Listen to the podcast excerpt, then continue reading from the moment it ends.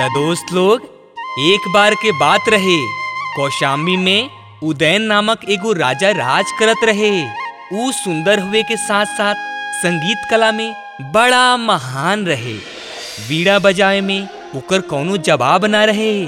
और ओने उज्जैन के राजा चंद्र प्रधोत के एगो लड़की रहली वास्वदाता ऊ बहुत सुंदर रहली और उनके भी वीणा सीखे के चाह रहे, उदयन के अलावा और केहू ना रहे जे ई काम के कर सके। तब चंद्र प्रधोत अपन चलहाकी से उदयन के फंसा के अपन पास बुला लेहलन और ऊ उदयन से कहलन, हमार बेटी के तू वीणा बजावे के सिखा दा, लेकिन ऊ तारा सामने ना आई है। हमरा सामने नहीं है, लेकिन काहे? बात दरअसल ई बा कि उनकर एगो आँख नइखे। अच्छा ई बात बा। ओने ऊ अपन बेटी से कहलन। बेटी तहार वीणा सिखावे वाला मिल गईलन सच पिताजी ई त बहुत अच्छी खबर बा। पर ऊ अछूत हवन तहार लोगन के बीच में पर्दा रही समझ लू ठीक बा पिताजी। सिखावल शुरू भइल।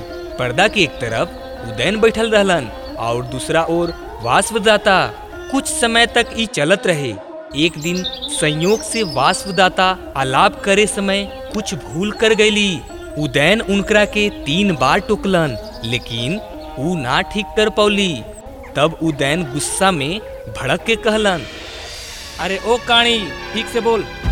उदयन के इतना कहते ही वास्वदाता गुस्सा से आग बबूला हो गई और कहली, ए कुष्टी तनी जबान संभाल के बात कर नहीं त बहुत बुरा होई। "आ, कुश्ती के हा?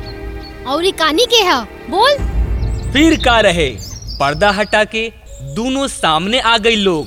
उदय जितना रूपवान रहलन वास्वदाता उतना ही सुंदर रहली। अब भेद खुल गईल कि चंद्र प्रधोत काहे चाल चलल रहलन ताकि दोनों के बीच में प्रेम ना होए।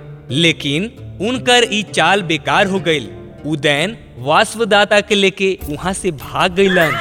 बाद में बड़ा धूमधाम से दोनों के शादी भइल।